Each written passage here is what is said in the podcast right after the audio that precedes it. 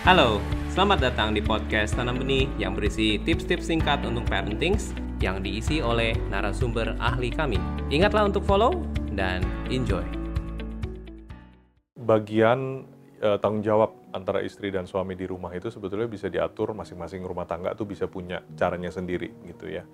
Pembagian tugas antara saya dengan istri kalau di rumah itu memang udah kita set berdua, kita udah bahas bareng gitu ya. Nah istri saya itu memang udah memutuskan untuk ya udah uh, dia akan fokus di rumah sama dengan anak-anak. Nah saya fokus di luar gitu ya. Jadi kita nggak dua-duanya uh, berada di luar gitu. Tapi ada memang keluarga yang bisa melakukan itu berdua uh, di luar dan di rumah gitu ya. Kalau kita dibaginya seperti itu. Nah kalau saya sering kali dapat info makanya dari istri apa yang terjadi di rumah dan itu yang jadi bahan saya untuk bisa bicara nanti sama anak, bisa cerita dan sebagainya. Nah, pembagian itu sebetulnya bukan tegas gitu ya. Ini bagian kamu ya, ini bagian saya ya. Enggak gitu. Tapi lebih ke sama kayak kita dance. Nah, anggap aja suami dan istri itu kayak dance, kayak lagi dansa gitu ya. Ada saatnya kita yang maju, ada saatnya kita yang mundur, ada saatnya kita yang duluan, ada saatnya kita kasih dia yang duluan gitu. Tapi yang pasti selalu konsisten dan harmonius. Nggak yang dia kalau bilang boleh, saya bilang nggak boleh atau saya bilang boleh, dia yang nggak boleh. Nah ini ini sebetulnya prinsipnya. Nah kalau pembagian tugasnya sebetulnya bebas saja, nanti tinggal diatur yang mana yang kita mau, oh boleh nggak kamu yang eh, ngomong sama dia soal ini, nanti setelah kamu ngomong saya akan bantu ngomongin eh, dari sisi yang berbeda gitu. Atau sebaliknya, dia bisa istri saya pernah minta sama saya tolong deh kamu yang kasih tahu dia dulu soal ini, nanti pada saat kamu pergi, saya besokannya baru cerita lagi tentang kejadian yang lain yang bisa membantu memperkuat uh, opini atau advice itu gitu. Jadi nggak ada satu scope of work atau job description yang dibagi betul-betul keras gitu.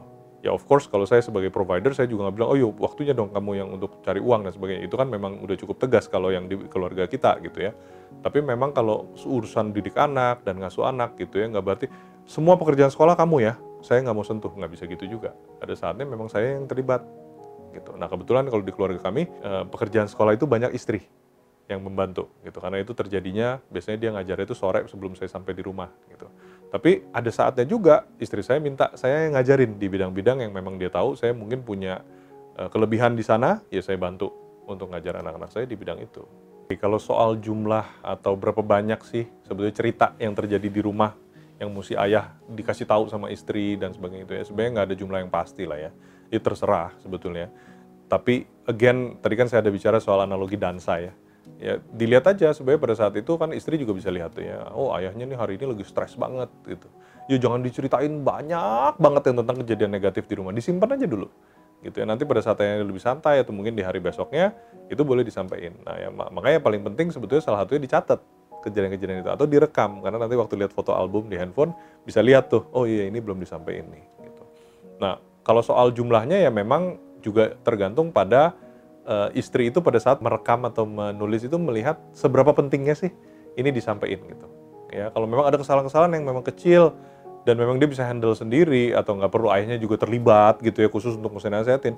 Kalau saya sih istri saya juga nggak langsung paksa untuk oh ya semua ini mesti kamu ceritain ya dari pagi nih ya dia salah ini, siang dia salah ini, sore dia salah ini. Ya nggak gitu Justru kalau istri saya terbalik ya, untuk bikin saya kadang-kadang supaya kalau lagi capek atau apa, dia bisa kasih lihat foto kelucuan-kelucuan yang terjadi di rumah.